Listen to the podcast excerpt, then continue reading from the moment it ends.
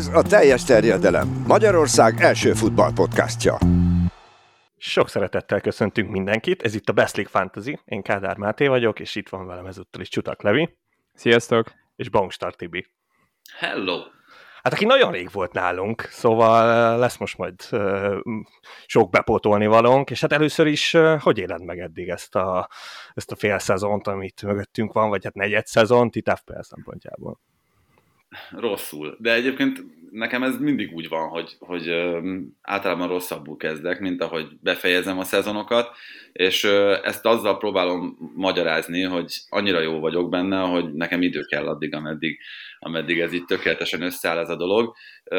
Most azért vannak ezzel kapcsolatban kétségeim, túl erősek a versenytársaim, úgyhogy ez, ezért még azért nem vagyok biztos benne, hogy a vége az olyan lesz, mint az elmúlt években, de én körülbelül úgy szoktam ezzel játszani, ezzel a játékkal, legalábbis az előző két szezon az már ilyen volt, hogy próbálok nagyon sok információt gyűjteni, most szerencsére hallgatva a Best League Fantasy adásokat is nagyon-nagyon sok új dolgot tudok meg, meg olyan dolgot, amire érdemes figyelni, de nem akarom teljesen elengedni azt, hogy egy kicsit a saját megérzéseim után is menjek.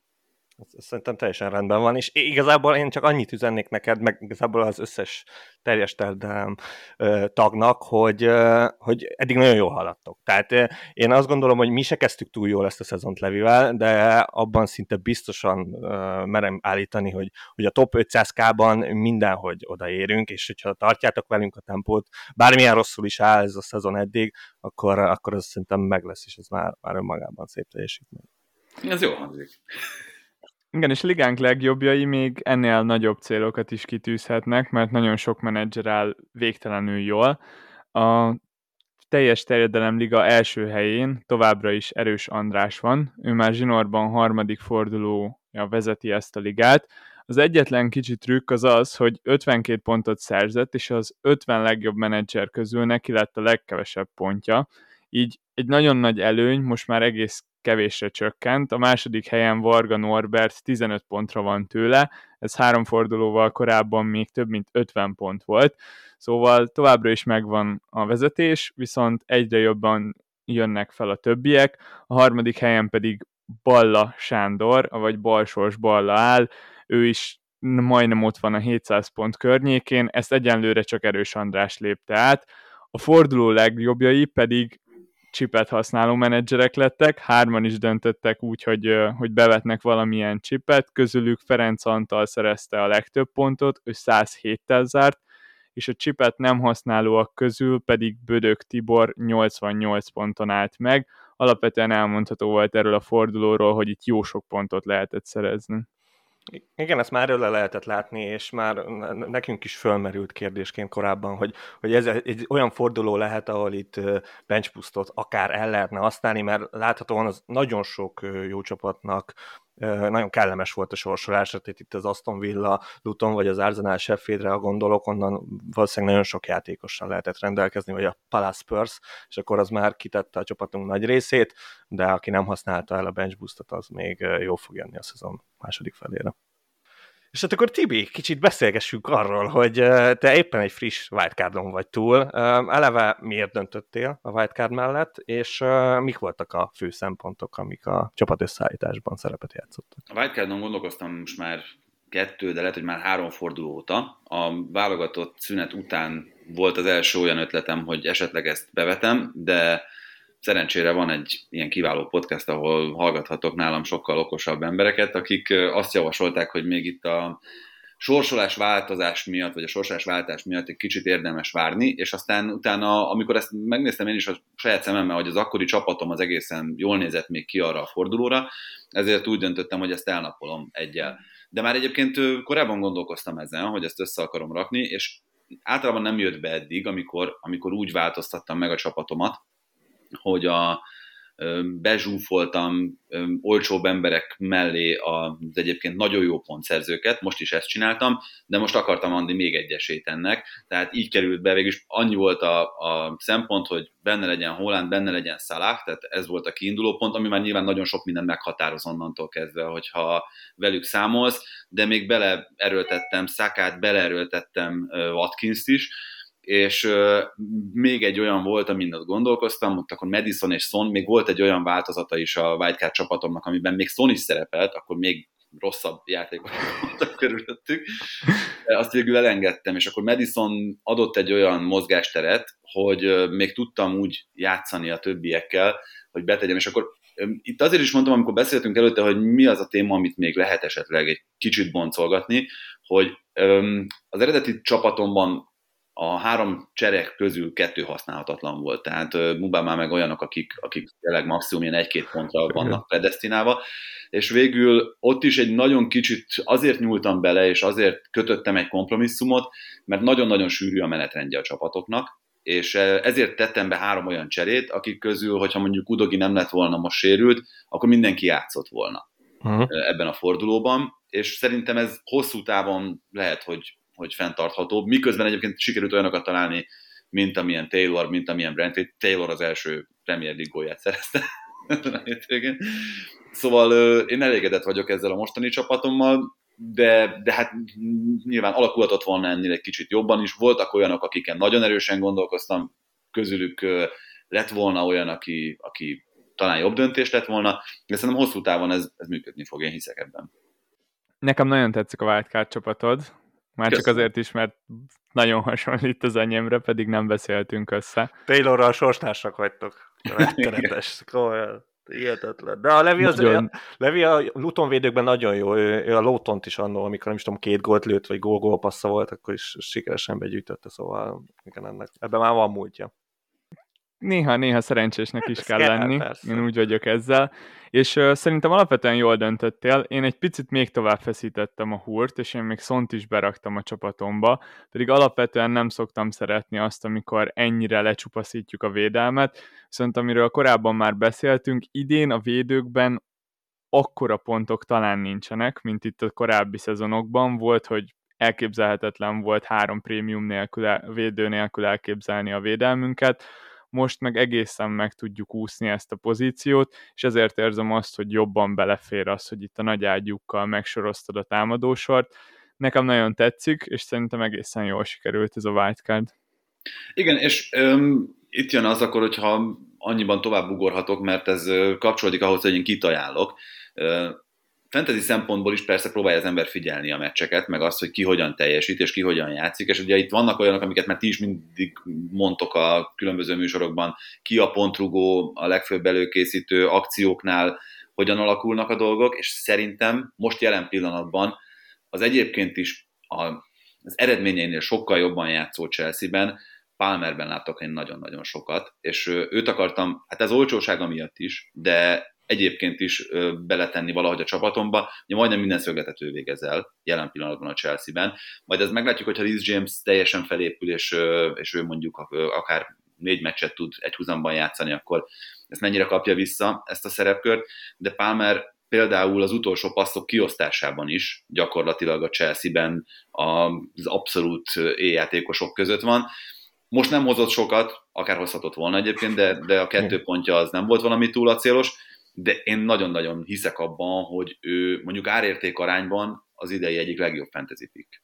Az biztos, és én, én most, ahogy néztem itt ezt a Chelsea-Brentford meccset, én inkább a másik oldalról közelítettem meg, hogy nem értem, hogy, hogy miért engedte el a Manchester City. Én, én azt érzem, hogy pont egy ilyen játékos hiányzik az idei Manchester City-ből, így KDB hiányában tényleg ezek a, a védelem mögé belőtt labdái nagyon veszélyesek voltak az egész meccsen. Kicsit távolabb játszott most, mint, mint a korábbi meccseken, de én teljesen megadom neked, Tibi, hogy, hogy nagyon jól néz ki. Persze a Chelsea sorsolás itt a következő öt fordulóra nem éppen az a kellemes, amit, amit szeretünk itt az FPL játékosainkra. Hát igen, viszont jól lő távolról, az jól passzolja be a labdát a 16-oson. Tehát minden, ami, amit mondjuk fantasyben nézni szoktunk, főleg középpályások esetében, esetében az megvan Palmerben. Hát itt a Brentford ellen is XG-ből és XA-ból együtt egy egy körüli számot hozott, ami azt jelenti, hogy elég pekesnek mondhatóak a tulajok, amiért nem jött semmilyen támadó return. Nekem az egyetlen problémám Palmerrel, hogy azt érzem, hogy ő inkább egy előkészítő szerepben van, és a Chelsea-ben jelenleg nincs ennek meg a játékosok, akik befejeznék ezeket a helyzeteket, amiket kialakít, és uh, így elég nehéz sokkal jobban szeretjük azokat a játékosokat, akik, akik direktebbek és veszélyesebbek a kapura. De 4.9-ért vagy 5.0-ért ez, ez lényegében meg, 9. Meg... támadónak hibátlan, és nyolcadiknak is egész oké. Szerintem egész rendben van, mert érted, tehát ezzel a tízi lövéssel, nyilván én is már másképp állok kicsit ezen a 11-es lövéshez itt FPL szempontjából, de de akkor is, az, az azért meg tud menteni játékosokat attól, hogy a rossz meccsen is bekap egy tízit, belövi, és, és akkor már mindjárt egy, egy jó fordulót hozott le. Szóval szerintem ez így, ez így rendben van. Én így olyan játékost hoztam ajánlásra, aki ott van mind a kettőnk Wildcard csapatában, sőt már el is ejtetted itt a nevét. Brent hoztam az Evertonból, ő klasszikusan egy watchlistes játékos, akit ért nem kell rohannotok, hogy egyből behozzátok a csapatotokba, abszolút meg lehet lenni nélküle, főleg így, hogy az Evertonnak a sorsolása most nem kifejezetten jó, viszont 4.0-ba kerül, és betonkezdőnek tűnik ebben az Evertonban, ami azt jelenti, hogy ha valaha cserélnetek kell erre a posztra, akkor itt van egy nagyon jó játszó opció, ami nagyon értékes lehet majd itt a november-decemberi hajtásban. Azt érzem, hogy ezzel nekem üzensz, akinek nulla darab cserejátékosa van a kispadján. Lehet, hogy itt lenne az ideje kicsit vérfrissíteni, de én bízom mindig abban, hogy az éppen aktuális 11 játékosom közül mind játszani fog, és nem kell a padról bejönni a szegény sérültjeimnek. Igen, és annak ellenére egyébként, hogy milyen rosszul indult ez a szezon az Everton számára, egészen kezd összeállni itt Sonda és keze alatt. Nem mondom, hogy olyan nagyon szemkápráztató focit játszanának, de például most pont készülve a hétvégi Luton Liverpool meccsre, a Liverpool kapujára több lövés zúdult egyelőre, mint az Evertonira, tehát hogy nem túl látványos módon, de elég hatékonyan tudják megóvni még attól is a kaput, hogy, hogy nagyon sokat tüzeljenek az ellenfelek. Igen, és ha már Liverpool, én most itt kicsit csalok, én itt megemlítem Darwin ezt, mint egy ajánlást, bár nem őt akarom hozni, őt inkább csak azért is mondom, mert, mert itt, ha akár itt a kapitány kérdésben nálam igenis számít az, hogy ő most ennyire erős, és, és ezzel szerintem veszel fényt Szalától. Most is azért láttuk itt a, az előző meccsen, hogy hát ez a szalágol az utolsó pillanatokban eh, rendesen nagy mázlival érkezett meg, szóval ez a tipikus szalágol megjött, de, de Darwin, Darwin nagyon jó lehet, és ő pont például Tibi egy olyan játékos, aki, aki nálam még, még nem feltétlen lépte át azt a vonalat, hogy, hogy itt ebbe a sűrű időszakban ő könnyen kikerülhet, bár mondjuk itt a Diaz helyzete az lehet, hogy ez kicsit változtat ezen a dolgon, de, de lehet, hogy eljutunk egy olyan pontig, hogy, hogy muszáj lesz majd rajta nagyon erősen gondolni gondolkozunk, hogy berakjuk őt a, a csapatunkba. De én a, azt a játékos hoztam, akin szerintem még senki nem gondolkozott el, de, de a Wolves nekem nagyon tetszett most a Newcastle ellen, és Nelson Samedo 4.5-ért látom magam előtt, hogy, hogy visszakapjuk újra a Wolves wingbackeket, és, és akkor személyedon nagyon jó választás lehet, hát, de ezt nyilván hát, csak itt a, nem jó választás a, krém, a krémeknek ajánlom. Amikor, amikor Pedro Neto megsérül, akkor nem jó szemédót betenni. Uh, egész egyszerűen azért, mert attól is nézett ki ennyire jól szerintem szemédó a Wolvesban, mert Neto Pedro Neto élete formájában játszik, játszott. Ugye volt ez az egészen szomorúan kinéző sérülése Nétónak, és utána szerintem még ezen a meccsen is látszott, ezen a Wolves Newcastle-on, nincs igen.